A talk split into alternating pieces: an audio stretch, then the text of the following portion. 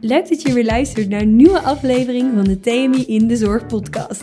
Ik ben Lisa en vandaag spreek ik Ibtisam die je alles kan vertellen over het werken binnen de kinderopvang. Nou, hartstikke leuk. Uh, we hebben weer een nieuwe podcast en deze keer gaan we het hebben over de kinderopvang. Welkom Itisem. Yes, dankjewel, dankjewel. Nou, dit is een heel nieuw onderwerp ook uh, voor TMI, dus eigenlijk des te leuker om het erover te hebben. Mm -hmm. um, en eigenlijk uh, wil ik altijd beginnen met onze eerste vraag en dat is over clichés. en ik denk dat die er best wel redelijk wat kunnen zijn over de kinderopvang. Wat ja. hoor jij het meest? oppassen het is oppaswerk, ja. En uh, aan het einde van de dag, uh, ja, is het goed gegaan? Of uh, voordat de ouders weggaan, ja, veel succes met oppassen. Dat je denkt van, maar het is meer dan oppassen wat we doen. Ik kan me dat wel voorstellen, want inderdaad, voor een oppas heb je geen opleiding nee, nodig. Precies. En voor een kinderopvangmedewerker eigenlijk wel. Ja. Wat leuk, want wie ben je precies en wat heb je gedaan om, om dit te doen wat je nu doet? nou, ik ben Ibtisem, ik ben 25 jaar en momenteel studeer ik nog aan de Hogeschool Utrecht. Ik volg de opleiding Ecologische Pedagogiek. En daarbij zit ik nou in mijn afrondende fase. Dus ik hoef eigenlijk alleen nog maar mijn scriptie te schrijven. En dan uh, ben ik klaar. Dan heb ik mijn bachelor op zak. Jeetje, alvast gefeliciteerd. Dankjewel, dankjewel. Dus nog even doorzetten. De laatste loodjes, die zijn het zwaarste. Dus uh, nog even doorgaan. Nog even doorgaan. Maar ja, naast deze zware studie mm. uh, werk je dus eigenlijk ook ja. in de kinderopvang. Mm. En uh, hoe, hoe ben je hierbij gekomen? Wat heb je nodig om dit soort werk te doen? Um, nou, ja, genoeg aantal punten. Dat is één. Belangrijk. En, uh, nou, ik heb gedurende mijn opleiding heb ik met verschillende doelgroepen gewerkt. Of verschillende leeftijden. En ik heb, of ik had nog niet gewerkt met de allerjongste. Dus de groep van 0 tot 4. Ik heb 4 tot 12 gehad, 12 tot 18 en 18 jaar en ouder. En ik dacht, ja, weet je, ik nader het einde van mijn opleiding. Laat ik ook eens eens uh, mezelf gaan verdiepen in uh, de wat jongere kinderen. De allerkleinste. En hoe dat zal zijn. En of dat misschien wat voor mij is. Hoe ik me daarbij voel. Zal ik dat langer blijven doen of niet? Dus dat eigenlijk, dat is hoe het bij mij uh, is begonnen. Dus eigenlijk uit interesse voor van, mm -hmm. joh, wat, uh, welke kant wil ja. ik opgaan? Ja, en om mezelf te verdiepen. Ja, want ik kan me ook voorstellen, want je bent nog niet helemaal afgestudeerd. Nee, uh, en dan heb je inderdaad een aantal punten nodig voor je propedeuse, of hoe zit dat precies? Ja, mijn propedeuse, dat is dan in het eerste jaar. Die heb ik gelukkig gehaald in één keer, dus dat was wel heel fijn. En in mijn eerste jaar ja, lag de focus bij mij op 4 tot 12 jaar. Dus daar had ik wel wat jonge kinderen, maar nog niet uh, de babytjes, de dreumes en de peuters. Ja, want wat houdt het eigenlijk in? Want als ik denk aan kinderopvang, ik heb zelf nog geen kinderen. Mm. Hoe oud zijn, uh, zijn de kids waar je mee werkt? Nou, ze kunnen vanaf drie maanden binnenkomen. Dus Jeetje, echt wat uh, heel jong. en dan beginnen ze eigenlijk al. Um, en dan is het eigenlijk gewoon een beetje zoeken en oefenen en kijken naar wat het ritme van het kleine kindje is. Uh, het slaapritme, het eetritme, wat werkt, wat niet werkt. Uh, maar natuurlijk ook uh, dat wij aan de baby moeten wennen, maar de baby ook aan ons. Want die komt als kleine, kom je ineens in een ja, groep van ja, wat oudere kinderen die heel wat lawaai maken. Dus dat is ook even wennen. En dat brengt voor de kleine de nodige stress mee. maar goed, voor ons is het dan om er eigenlijk voor te zorgen om het zo stressloos mogelijk te laten gaan. Lijkt me heel ingewikkeld. Zo'n baby. Met, met hoe oud is jullie oudste kind die bij jullie loopt? Uh, ja, de oudste die wordt dan vier.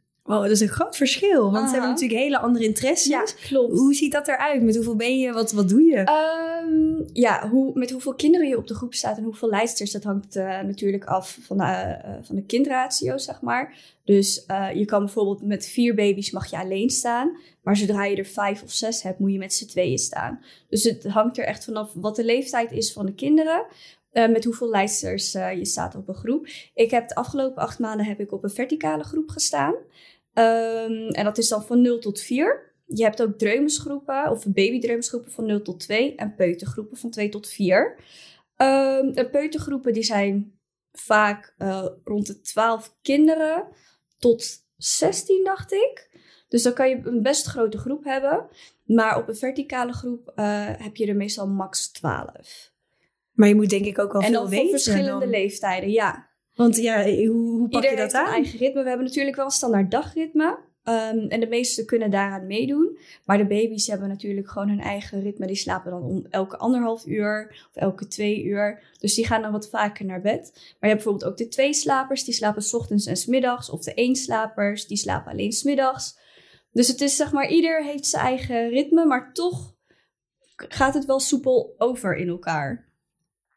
Wat grappig, want je noemt zoveel termen. Ik wist helemaal niet dat, het zo, dat er zoveel bij kwam kijken. Want als ik als ouder bijvoorbeeld mijn kind eens kom uh, brengen naar de kinderopvang, uh, bepalen jullie dan of vindt dat kind bij jullie uh, die twee slaper, één slaper positie? Of? Ja, dat hangt echt van de leeftijd af en wat, wat thuis gedaan wordt. En vaak proberen we ook wel af te stemmen dat wat we op de opvang doen ook thuis gebeurt of juist andersom. Want je hebt bijvoorbeeld echt een opvangritme. Weet je, tussen half uh, acht en half tien worden de kinderen gebracht. Dan gaan we tussen half tien en tien uur gaan we aan tafel voor het uh, groentemoment. Nou, na het groentemoment hebben we de verschoonronde. Dan hebben we nog tijd voor activiteiten of buitenspelen. Uh, en ook voor individuele aandacht per kind.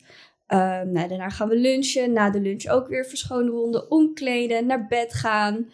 En dan houden wij pauzes. Um, en daarna is het weer de kinderen uit bed halen, aan tafel voor het fruitmoment. Weer wat activiteiten doen. En daarna worden de kinderen opgehaald tussen uh, half vijf en half zeven. Ja, want hoe ziet dat rooster er inderdaad uit? Want in mijn, uh, als ik het zo voor me zie, dan denk ik, mm -hmm. je moet mhm. echt werken van zes uur s ochtends tot zeven uur s avonds tot een ouder echt begint met werken. Want dat mm -hmm. moet natuurlijk daarvoor. Ja. En tot daarna. Of, of wisselen jullie elkaar nog een beetje af? Ja, nou je hebt verschillende diensten. Je hebt de vroege dienst, die is van half acht tot vijf. Dan heb je nog de tussendienst. Of althans, je hebt twee tussendiensten. Eentje van acht tot half zes en van half negen tot zes. En dan heb je nog de laatste, of de late dienst, die is van 9 tot half 7. Dus je hebt wel afwisseling in diensten. En dan heb je vaak één uh, leidster die start vroeg en de ander die komt dan wat later aan. Start dan om 9 uur en die sluit de groep dan af. Hoe is dat voor het kind zelf? Want je komt natuurlijk, je gaat waarschijnlijk slapen en je wordt wakker en er is een andere leidster. Of het gaat heel. Um, nou, dat valt op zich wel mee, want ze zien ons de hele dag door. We zijn altijd met z'n tweeën wanneer de kinderen er zijn. En uh, ja, als we binnenkomen, dan groeten we de kinderen. nemen we even een momentje om gedag te zeggen. Maar ook als we weggaan, dan zeggen we ook gedag tegen de kinderen. Dus ze zijn zich wel bewust van het uh, afscheidmoment eigenlijk. En het is niet dat, dat we ineens weg zijn uh, wanneer ze wakker zijn. Jeetje. Maar en, en dan zo'n dagritme, dat mm. bepaalt dat de opvang? Of is dat iets wat jullie, ja, waar jullie ook aan meedenken? Als, uh... Uh, ja, de opvang. Je hebt ook verschillende methodes, zoals Uk en Puk, piramide, dacht ik. Um, dus daar wordt het eigenlijk een beetje door bepaald. En ook de activiteiten waar je dan bijvoorbeeld mee bezig uh, zou houden. Dus daar zit eigenlijk een hele theoretisch iets achter van mhm. uh, wat je eigenlijk uh, zou kunnen doen dan. Ja, en je hebt bijvoorbeeld dan met de Uk en Puk uh, methode heb je ook themaweken. En themaweken die houden dan een aantal weken aan. De afgelopen weken hebben we dan fe feest met Puk gehad. Um, en er lag de focus op Sinterklaas, op kerst, op oud en nieuw. En dan leerden we de kinderen woordjes die ermee te maken hadden. Zoals kerstboom of kerstbal of Sint of Piet. Weet je, dus dan op die manier um, werk je ook met ze aan hun taal. Dus je bent eigenlijk een soort van docent, maar dan ja. voor de kleinere kinderen. Ja, precies. Het is geen oppassen. Je bent echt bezig met hun ontwikkeling, met hun taalontwikkeling, maar ook sociaal-emotionele ontwikkeling. Wanneer ze bijvoorbeeld onderling ergens niet uitkomen of ineens heel erg verdrietig zijn, dat ze jou kunnen opzoeken. Ja, want dat maakt jullie baan denk ik nog wel moeilijker. Omdat je veel kinderen hebt die waarschijnlijk hun gevoelens inderdaad nog niet kunnen... Mm. Ex, die expressie niet hebben. Ja. Hoe pak je dat op als een kindje bijvoorbeeld inderdaad boos is... maar dat niet kan onder, ja, uitdrukken? Nou, Zie vooral dat? heel kalm en heel rustig blijven. Dat is het. Want wanneer jij zelf uit boosheid gaat reageren... dan zet je jouw eigen irritatie, jouw eigen gevoel centraal. Terwijl het niet om jou draait. Het draait om het kind. En het kind heeft moeite met zijn of haar emoties uh, uiten. En die hoor je daarbij te helpen. Dus of dat nou uh, naast het kindje zitten is op de grond, even een knuffel geven, even kalm blijven, kalm toespreken, zacht blijven, ook op de manier uh, hoe je tegen het kind praat. Dan zie je toch dat het kindje steeds kleiner in houding wordt en steeds rustiger wordt, totdat ze uiteindelijk zelf uit kunnen leggen wat er is. Ik vind dit zo interessant. Ik had niet oprecht niet voor dat er zoveel inderdaad achter zit. Want je, je zei net ook al zo'n individueel moment. Mm. Hoe ziet dat er dan uit? Is dat dan dat je dan om, ook weer naar die emotie gaat kijken? Um, of? Ja, ja, kan, maar ook uh, fysiek. Bijvoorbeeld sommige kindjes helpen met leren lopen. Dus, uh, of met helpen zitten en helpen staan. Sommige kinderen die kunnen dan wel staan, maar dan lukt het niet om te zitten. Dus dan doe je je knie eronder en dan tik je, ze een beetje, tik je hun knietjes een beetje in. En dan zitten ze op je knie. En dan voelen ze van, oh hé, hey, maar zo eng is dit eigenlijk niet. En voor je het weet doen ze het zelf. En dan train je tegelijkertijd ook weer hun uh, beenspiertjes om zelf op en neer te gaan. Dus je bent eigenlijk ook gewoon nog een kleine ja, kinderfysio. Ja, precies. We doen echt van alles. Echt van alles. En wat is dan eigenlijk het allerleukste aan jouw vakgebied wat je, er, wat je zelf vindt? Want ik vind het allemaal heel erg leuk en ja, interessant klinken. De band die je met de kinderen uh, ja, creëert, die is echt heel leuk. Ja, dat is echt... Ik heb uh, ja, afgelopen twee dagen heb ik afscheid genomen van uh, mijn vaste groep. En dan zie je ook echt wel dat je een, een band hebt gecreëerd met de kinderen, maar ook met de ouders. Dus dat was wel echt heel mooi ook om terug te zien hoe dankbaar de ouders waren voor het zorgen voor hun kind. Maar ook dat de kinderen op een bepaalde manier toch uh, ook wel voelden dat je wegging. Zonder dat ze het begrijpen. En dan komen ze toch nog wat extra knuffels halen. Toch nog extra kusjes geven. Of dan zijn ze ja, toch extra lief of zo. Het is heel apart. Maar wel echt heel leuk. Ja, want jij hebt dat natuurlijk met, met detachering gehad. Je gaat naar een mhm. andere groep. Ik ben me wel eigenlijk benieuwd naar beide kanten. Uh, maar inderdaad, eerst jouw kant. Je, je gaat naar een andere groep. Je komt op een... Je mhm. verlaat een groep, dat geeft emoties. En daarna ga je naar een andere groep. Ja. En dat geeft weer heel veel vermoeidheid eigenlijk ook. Want je moet weer wennen. Uh, opnieuw je laten zien. Um, nou, een vaste groep is op zich ook wel heel leuk om te hebben. Uh, ook met de verantwoordelijkheid die, je erbij, die erbij komt kijken. Um, maar detacheren is op zich ook wel heel leuk. Uh, op verschillende locaties werken. Um, en dan maakt het op zich niet zo heel veel uit uh, dat je geen stabiele band kan creëren met de kinderen. Omdat je toch nog wel leuke activiteiten met ze kan doen. Toch op andere manieren een bijdrage kan leveren aan hun ontwikkeling. En het feit dat je ja, steeds met verschillende collega's samenwerkt, met verschillende soorten kinderen, blijf je toch uh, leren.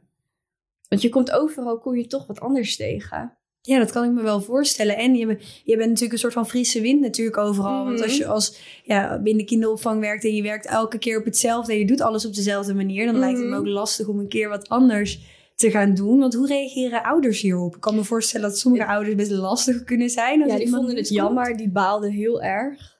Die vonden het echt uh, heel jammer, ook omdat ze zagen dat ik en uh, mijn collega ja, gewoon een best goed team waren samen. En we het met de kids ook gewoon heel leuk hadden. En als je nieuw komt bij zo'n ouderlijk team, uh, word je dan goed ontvangen? Of zijn heel veel ouders nog een beetje terughoudend? Van, hmm? Ja, nou, ik, ze zijn af en toe wel terughoudend, maar ik denk uh, dat het vooral is omdat ze ook gewoon nog niet weten aan wie ze hun kind toevertrouwen. Wanneer ze eigenlijk zien dat uh, hun kind goed reageert op jou, dan zijn al hun zorgen zo goed als weg. Want dan weten van, oké, nou, mijn kind zit veilig, mijn kind zit goed, mijn kind krijgt uh, wat hij of zij nodig heeft. En als ze de leidster zien, reageren ze daar ook gewoon positief op. Dus als de ouders dat terugzien bij hun kind, of als ze verhalen thuis horen van hoe de dag is geweest, dan merk je toch dat ze steeds meer en meer los beginnen te komen. En natuurlijk stellen ze in het begin ook best wel wat vragen van, nou wie ben je, wat doe je, waar kom je vandaan, wat heb je allemaal gedaan? Zodat ze ook zelf wat meer geruststelling voor zichzelf kunnen creëren. Heb je daar ook echt uh, tijd voor? Zeg? Want ze zetten natuurlijk het kind af. Daarna begint jullie programma eigenlijk al. Um, ja, s ochtends. Meestal duurt het uh, brengen 5 à 10 minuten met de overdracht van hoe hun nacht was. Of hoe de dag ervoor was als ze de vorige dag niet op de opvang waren. Maar aan het einde van de dag heb je er ook een paar minuten de tijd voor. En stel dat ouders echt behoefte hebben aan uh, ja, een wat inten ja, intensiever gesprek. Dan zouden ze altijd gewoon een gesprekje kunnen inplannen. Maar vaak, omdat niet alle kinderen tegelijkertijd worden gebracht, heb je toch nog wel de ruimte om met elkaar in gesprek te gaan. Ja, precies. En vooral ook als je kijkt naar je rooster, dan kunnen ze je mhm. altijd nog wel een beetje bereiken van hé, hey, eh, hoe vinden we dat natuurlijk? Ja. Jeetje, ja, inderdaad als ouders, want je hoort natuurlijk dat ze misschien wel een keertje... Heb je ooit een keer moeilijk gehad, gesprek gehad met een ouder die uh, eventueel dacht van... nou, ik vind het uh, heel lastig omdat jij op heel veel verschillende groepen staat? Of zien ze het juist heel positief als je veel meer ervaring hebt met verschillende groepen? Um, nee, ik heb het eigenlijk nog niet zo ervaren als dat ze het lastig vonden dat ik op verschillende groepen stond. Voornamelijk vonden ze het op zich wel leuk dat ik van alles wel wat meekreeg. Maar zelf vonden ze het niet lastig, zolang hun kind eigenlijk maar gewoon de juiste zorg kreeg. Ja, dat is natuurlijk eigenlijk ook het allerbelangrijkste. ja, wat op nummer 1 staat voor ze. Want wat is eigenlijk het verder het moeilijkste aan, jou, aan jouw vakgebied waar je van denkt, nou, dit vind ik wel pittig hier aan? Ja, er, er is niet echt wat lastigs of wat moeilijks. Uh, ja, het enige wat misschien wat zwaar zou kunnen zijn, is het fysieke. Maar ook dat kan je weer omzetten. Uh, in plaats van uh, kinderen op te tillen, kan je ze bijvoorbeeld zelf het trappetje op de commode op laten lopen door erbij te staan. Of wanneer ze verdrietig zijn, dat je, je bent gewoon gauw geneigd om een kindje op te tillen. Maar dat is gewoon heel slecht voor je schouders en voor je rug. Dus je gaat op zoek naar andere oplossingen en mogelijkheden. En je kan dan zakken naar het level van het kind. Dat je op de grond gaat zitten en het kindje dan op schoot neemt. Dan heb je, toon je en de nabijheid. En het kindje kan bij jou terecht. En het is goed voor je lijf. Dus er is eigenlijk altijd wel een manier om eruit te komen. Want word je daar ergonomisch ook nog voor opgeleid? Van goh, uh, hoe denk je ook? Denk een beetje aan jezelf. Hoe doe je dat? Um, ja, daar bieden ze wel wat uh, hulp voor aan. Uh, en er worden natuurlijk altijd wel tips gegeven van oké, nou dit kan je doen. Uh, ja, zoals ik net zei, bukken naar het kind zelf, op de grond zitten. Of het kindje zoveel mogelijk zelf laten doen. En op die manier draag je ook weer bij aan hun ontwikkeling. Ja. En als je zo gaat kijken naar, we hebben het net natuurlijk over de aanpassing van de ouders, aanpassing van de mhm. kinderen gehad. Ik kan me ook voorstellen dat aanpassing naar een nieuw team is natuurlijk ook heel erg anders. Hoe ervaar je dat? Zijn alle teams even open om, om je te ontvangen als nieuwe leidster? Um, wat ik tot nu toe heb ervaren wel. Iedereen was vooral heel blij dat ik er was. Dus, uh... zijn gigantische tekorten ook eigenlijk. Ja, klopt. Oh, dus ze waren echt heel blij dat er iemand was die wilde helpen. Uh, ik kom zelf dan uit Utrecht. Dus ik, ja, dan was ik weer in Assendelft te vinden. En de ene keer weer in Numansdorp. Ja, ik wist mijn god niet waar het lag. maar ik was er wel. dus dat vonden ze vooral heel, uh, heel fijn. Ze misschien ook wel grappig, een, een, een, meid uit de stad, zeg maar. Ja, precies. En dan kom ik daar in de, ja, middle of nowhere aan. En vorige keer, dat, ja, dat was echt heel grappig. Toen uh, had ik een dienst hier in Amsterdam-Noord. En ik was op de boerderij beland. De boerderij? Ja, in Amsterdam-Noord. En nou, ik stopte de auto uit en ik belandde gewoon tussen de koeien, tussen de schapen. En ik zag een paard en ik zag wat kippetjes. En ik, nou, waar ben ik nou weer beland? En dit was een kinderopvang? Ja, dat was een kinderopvang. Ja. En ik belde nog naar het flexbureau hier. Ik zeg, nou, ik, uh, ik ben op de boerderij beland. Hè? Wat? In Amsterdam? ja. maar op dat moment zwaaide gelukkig iemand van de kinderopvang. zwaaide naar mij. En toen wist ik eigenlijk al wel dat ik goed zat. Maar dat was super leuk, want de kinderen konden kijken bij de koeien, bij de schapen. Um, dus konden de kippen ook gewoon zien. En soms konden ze de boer ook helpen. En dan hadden ze de hooiberg waar ze in konden spelen. Dus ze is echt van alles. Dit lijkt me echt een fantastische kinder. Ja, ik vond het leuker dan de kinderen hoor. dus daar mag je wel Ik was gelijk allemaal foto's aan het maken. Hey, kijk eens waar ik ben beland.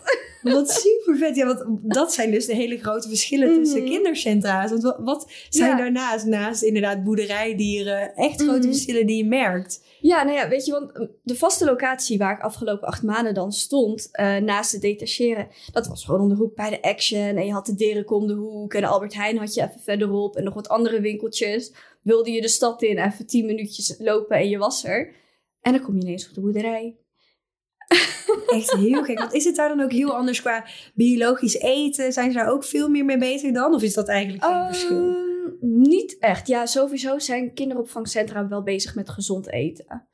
Waar ik heb uh, gezeten, daar hadden we dan bijvoorbeeld ook een voedingscoach. En die zorgde ervoor dat er uh, diverse soorten beleg waren. Dat er niet te veel zouten of suikers werden aangeboden.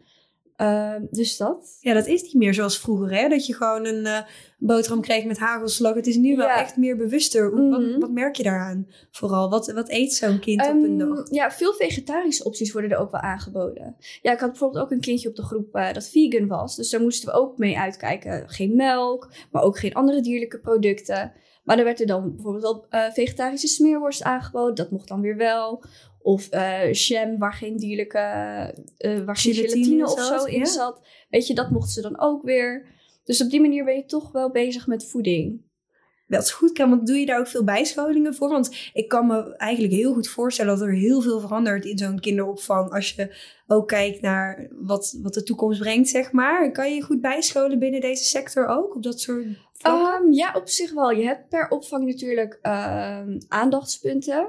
En uh, nou, die worden dan voorgelegd tijdens de vergadering. En iedereen kiest dan eigenlijk een puntje uit uh, waar zij op willen focussen en wat zij verder willen ontwikkelen. Weet je, de een die kiest dan bijvoorbeeld voor BHV, voor de veiligheid van de hele opvang. De ander die kijkt dan weer naar speelgoedmateriaal. Wat bieden we de kinderen aan of wat kunnen we veranderen? En dan heb je natuurlijk ook weer de voedingscoach. Dus er zijn echt uh, van, ja, verschillende dingen waar je op kan focussen. We hadden laatst bijvoorbeeld uh, een vergadering. En daarin kwam ook naar voren dat we wat meer met etnische en culturele diversiteit wilden gaan doen. En nou, dat kwam goed uit, want het WK die uh, ging van start. Precies. Dus nou ja, heel leuk. Ja, ik, mijn roots liggen in Marokko natuurlijk. al ben ik wel hier geboren in Nederland. Um, ja, met de winst van Marokko vond ik het enig om met de kinderen gewoon een heel Marokkaans feestje te organiseren. Dus ik had samen met een andere Marokkaanse collega, hebben we jurken geregeld, wat voetbalshirtjes, uh, de vlag, wat Marokkaanse trommels. Um, ik had toen wat Marokkaanse pannenkoeken, bagrir gebakken, Marokkaanse thee voor de collega's. Nou, ze hebben er zo lang nog over lopen kletsen, de kids, ook thuis. En dat is zo leuk. Wat fantastisch. Echt, ze vonden het geweldig. Nou, dat snap ik wel. Dat je eh, zoiets kan bijdragen. Want inderdaad, mhm. dan leren ze ook meteen kennen van... Goh, wat is dit nou? En het was inderdaad een perfect evenement om dit te vieren. Ja, precies. Dus dat was ook echt heel leuk. En het grappige was op uh, een van de afscheidskaartjes die ik uh, van de ouders had gekregen, stond ook nog onderaan Go Marokko. Dan weet je zo hard gedaan. Ook omdat het jochie er zeg maar thuis heel lang nog over doorging. Ja, Marokko gaat winnen, Marokko gaat winnen. Oh, dat was echt wel mooi geweest ja, dat dat ook zo was. Schattig, zo leuk. Ah, daar, ja. dat heb je weer dan die mhm. band en met de kinderen. Dat je echt wel, omdat je zo leuke dingen doet en ik denk omdat je zelf ook zo enthousiast bent, dat je dat ook echt wel uitstelt aan, je, aan die kinderen. En die dat gewoon heel erg overnemen. Ja, en natuurlijk de ouders die zien dat ook gewoon. Die vinden dat ook gewoon heel leuk. Dus die gaan daar ook gewoon heel erg mee, of, uh, in mee. En die stellen dan ook vragen. En die vinden het superleuk dat zoiets dan op werk uh, is gedaan. Maar dan bijvoorbeeld met die pannenkoeken. Uh, dat is dan ook weer iets waarbij je rekening houdt met de voeding van de kinderen. Want er zit geen suiker in. Uh, er zitten geen dierlijke dingen in, dus iedereen kan er eigenlijk van eten. Er zit ook geen melk in, dus iedereen die een lactoseallergie heeft, die kan er ook gewoon van eten. Dus dan ga je toch nog op zoek naar iets wat voor iedereen toegankelijk is. Dus je hebt ook wel heel veel afwisseling in je baan eigenlijk. En je hebt verschillende kindercentra's eigenlijk waar je werkt. Je mag verschillende ideeën mhm. inbrengen. En dan heb je eigenlijk nog wel een beetje een normale basis. Waardoor je die theoretische basis van oké, dit is een normale mhm. dag. Maar daar kun je heel erg van afwijken dus eigenlijk. Ja, ja, je kan het eigenlijk gewoon inrichten zoals je zelf wil. De ene vindt het heel leuk om uh, bezig te zijn met activiteiten. Uh, dus echt dingetjes doen zoals buitenspelen of potje voetballen of spelletjes. Maar de ander vindt het ook weer leuk om uh, te focussen op verhaaltjes lezen, woordjes leren. Dus het ligt maar net waar, uh, ja, waar je interesse ligt. En op die manier kan je eigenlijk gewoon een dagje inrichten. En waar ligt jouw interesse dan op het allergrootste vlak? Want je hebt natuurlijk die verbindenis met de kinderen. Maar als je kijkt naar wat vind je nou het leukst om te organiseren op je werk? Uh, ja, zo'n feestje vind ik dan bijvoorbeeld natuurlijk heel leuk. Om echt gewoon te zien uh, hoe leuk ze het hebben. Hoe, ze, hoe erg ze ervan kunnen genieten. Ehm, ja, ik vind zelf vooral de één op één momenten met de kinderen heel fijn. Dat vind ik echt heel leuk. Gewoon echt even lekker met ze knuffelen, lekker met ze kletsen. Ze zijn zo grappig. Ze zijn echt. zijn de meest grappige wezens. Die er zijn. Die er zijn. Echt. En ze zijn zo simpel. Het leukste eigenlijk is ehm, het feit dat ze jou ook laten reflecteren op jezelf.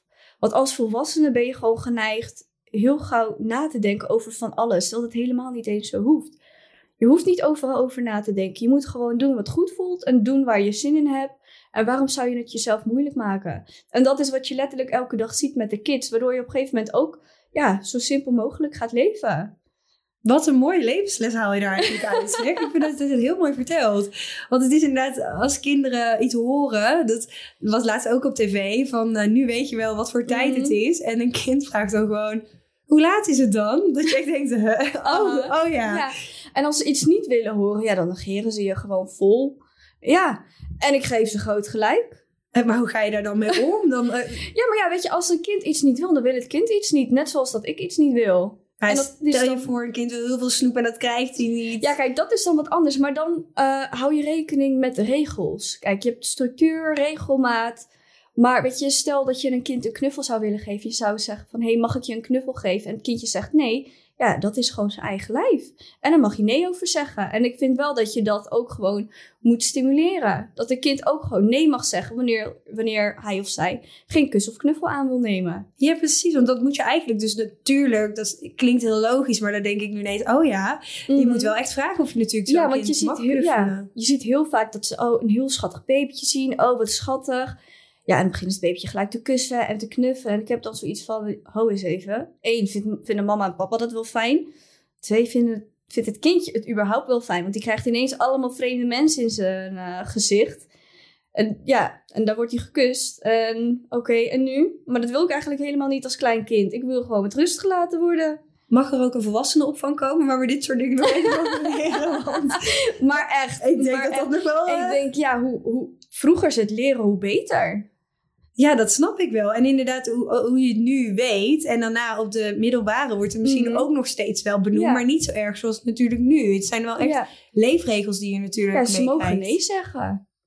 Ja. Jeetje, wat interessant. Want wat zou je nu bijvoorbeeld... Kijk, heel veel mensen zien het inderdaad als een oppasbaan. Maar hoe, Mhm. hoe kun je mensen nog meer enthousiasmeren voor dit mooie vak? Want ja, deze podcast luisteren denk ik dat... Ik Mhm. ben ineens nog enthousiaster over dit vak geworden naar jouw verhaal. Ja, het is vooral de band die je met de kinderen krijgt die goud waard is. En het feit dat eh, niet alleen zij van jou leren, maar jij vooral heel veel van hun. Omdat je als volwassene toch heel veel verantwoordelijkheden hebt. En zij het eigenlijk makkelijker voor je maken. Doordat je op een hele andere manier eh, naar jezelf en naar de wereld gaat kijken. Ja, precies. Wat zijn er nou nog dingen? Ik, ik heb al heel veel van jou geleerd tijdens deze podcast. maar zijn er nog dingen waarvan jij denkt... eh, dat weet echt helemaal niemand... dat wij dit bijvoorbeeld doen in de kinderopvang? Ehm, ik zit eventjes na te denken. Nou, één, dat het sowieso meer is dan oppassen. Ehm, Je hebt veel meer kennis nodig. ja, Want inderdaad, als je gaat kijken hoe zo'n kind echt eh, zijn ontwikkeling doormaakt... en je denkt, nou een oppas die Mhm. ja sowieso kennis over, over de ontwikkeling van de kinderen. Over eventuele eh, signalen van problematieken. Hoe ze oh, ja, met emoties omgaan. Weet je, Ehm, heeft het kindje misschien een vorm van autisme? Of heeft het kindje fysio nodig doordat het nog niet loopt? Ehm, of juist logopedie omdat het niet zo goed eh, kan drinken en dus ja, zijn lippen en tong moet trainen. Ehm, en dat zijn eh, dingetjes waar je dan op let. Maar tegelijkertijd heb je ook weer het veilig slapenbeleid. ehm, dat je het bedje altijd goed dicht moet doen. Noteren wanneer je het kindje in bed hebt gelegd. Tussendoor ook even checkt. Van hey, slaapt het kindje nog? Gaat het nog goed met het kindje? Eh, dat, het deken, dat er geen dekentje is. Of dat het dekentje ja, correct is eh, ja, neergelegd als het ware. Of vastzit. Ehm, dat ze niet meer dan één knuffeltje in bed mogen. Dat soort dingen om verstikkingsgevaar bijvoorbeeld tegen te gaan. Dus er zijn best wel wat dingetjes die er eigenlijk bij komen kijken. Want je focust op ontwikkeling, op veiligheid. ehm, ja, op sociaal-emotionele ontwikkeling. Het is echt op van alles. Ja, en daarmee is er alles. eigenlijk, nu zit ik aan te denken, ook die JKS-registratie, toch? Ja, Want de ik- SKJ volgens mij. SKJ inderdaad. Ja. Want ik zit nu ook te denken van dit soort banen kun je echt niet zomaar krijgen. Hier moet je echt inderdaad Ja, wel, eh, SKJ-registratie die heb je volgens mij niet nodig voor de kinderopvang. Daar kan je zonder registratie werken. Wel moet je een, eh, ja, een juist diploma hebben, zoals pedagogisch medewerker, gespecialiseerd pedagogisch medewerker. Of in mijn geval dan genoeg aantal punten voor je bachelor om erin te mogen werken. Precies, dus je hoeft eigenlijk nergens geregistreerd te staan, maar je moet wel Ja, inderdaad... je- het enige, de enige registratie die je moet hebben is eh, in, de, in het kinderopvangregister. Oh, Daar ja. moet je staan. En ja, je vraagt in het begin vraag je dan een VOG aan. Die voer je in dat register in. En dan word je eigenlijk continu gescreend. En het kan zijn dat wanneer je bij een nieuwe werkgever zit, dat je eh, een nieuw VOG aan moet vragen. En in datzelfde register kan je ook koppelen aan verschillende opvangcentra. En die hebben dan ook inzicht in het feit dat jij gewoon je VOG eh, hebt. En dat je gewoon mag werken met de kinderen. Wat goed, ja. Ik, dat, ik vind dat ook Mhm. wel eh, goed dat dat inderdaad nog gewoon gecheckt Ja. wordt. Maar ja, je moet het ook wel als je zo Mhm. kijkt. Ja, je kan niet iedereen bij zo'n kwetsbare groep neerzetten. Nee, dat is het precies. En ja, waarom zijn er niet meer mensen die het mooie vak eigenlijk zouden willen doen? Vraag je je dan af, toch? Of heb je wel Ook, ook geen idee waar de tekorten vandaan komen. Hele lastige vraag hoor. Ehm, ik denk omdat het ergens ondergewaardeerd wordt. Nou, eigenlijk ergens, het wordt gewoon ondergewaardeerd. Het wordt als oppasbaantje gezien, terwijl het geen oppasbaantje is. We doen zoveel meer dan oppassen. Het is niet even twee of drie uur even chillen met je neefjes en nichtjes. En uh, dan komen je tante en oom komen daarna de kids weer ophalen. Je bent echt intensief bezig met hun verzorgen, met hun ontwikkeling. Um, en dat vraagt zelf ook gewoon heel veel energie en kracht van jou. Omdat jij zelf ook echt investeert in de kinderen. Ja, precies. En het is eigenlijk waar preventie start, zou ik eigenlijk zeggen. Mm -hmm. Dus als we ergens moeten, goed moeten gaan in preventie, dan uh, ja. let's start hier. Ja, je bent eigenlijk zeg maar hun eerste uh, ja, confrontatie met de echte wereld. Ja, dat, dat is het. Ook. En daar kan je ze eigenlijk op voorbereiden door ze zo jong mogelijk van alles eigenlijk aan te leren. Denk alleen al uh, naar het nee mogen zeggen. Of naar het beschrijven van hun gevoelens. Dus op die manier ook, uh, ja, kan je zo, aan zoveel dingen bijdragen. Uh, maar ook hoe het contact tussen uh, kinderen onderling verloopt. Dat je ze daarbij kan helpen. Wanneer ze lopen te kibbelen om een autootje.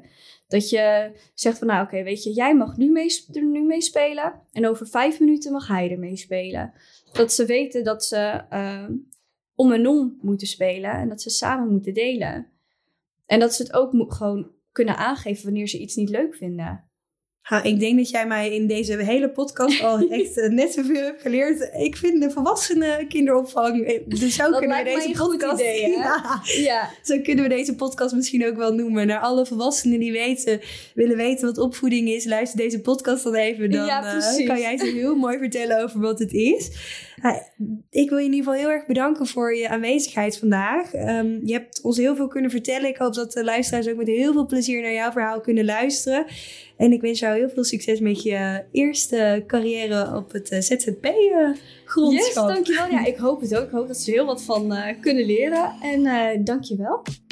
Ben jij door deze aflevering enthousiast geworden? Abonneer je dan op onze podcast via je favoriete app. Vind ons op LinkedIn, Instagram of meld je aan via onze website tmi.nl voor een oriënterend kennismakingsgesprek.